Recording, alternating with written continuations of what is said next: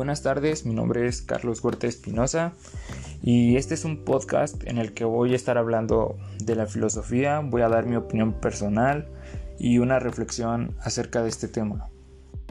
Para empezar, ¿qué es la filosofía? Eh, la filosofía es el estudio de una variedad de problemas en el que hay varias cuestiones de todo tipo y cuando digo de todo tipo es porque de verdad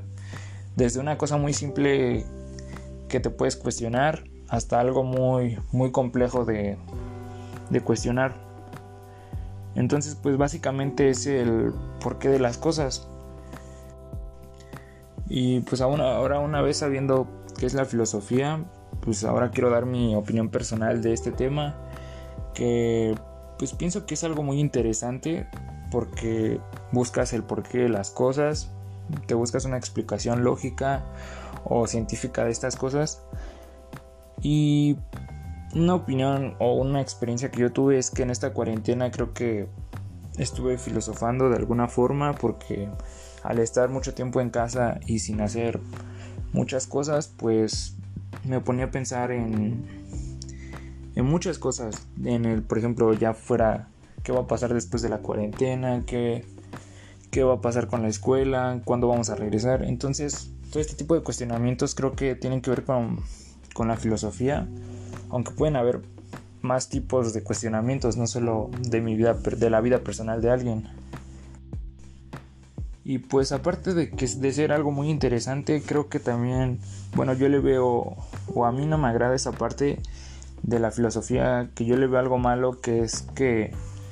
al estar buscando todas estas preguntas, bueno, estas respuestas, pues creo que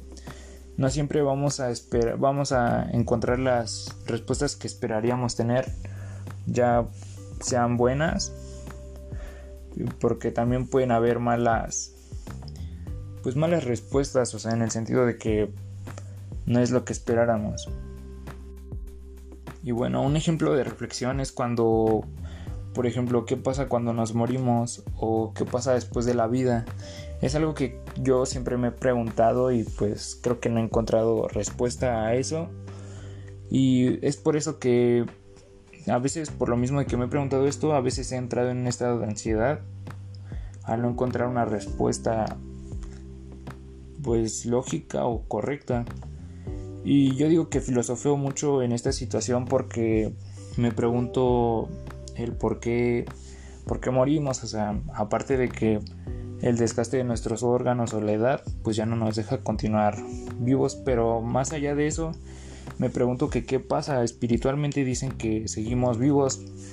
y eso es lo que me ha puesto a reflexionar mucho y, y no he encontrado solución. O otro ejemplo es que es la reacción de la gente o sea eso es creo que ahí sí encuentras respuesta y es es diferente aunque sigues filosofando. Y, y, es, y de eso se trató mi podcast y gracias por escuchar.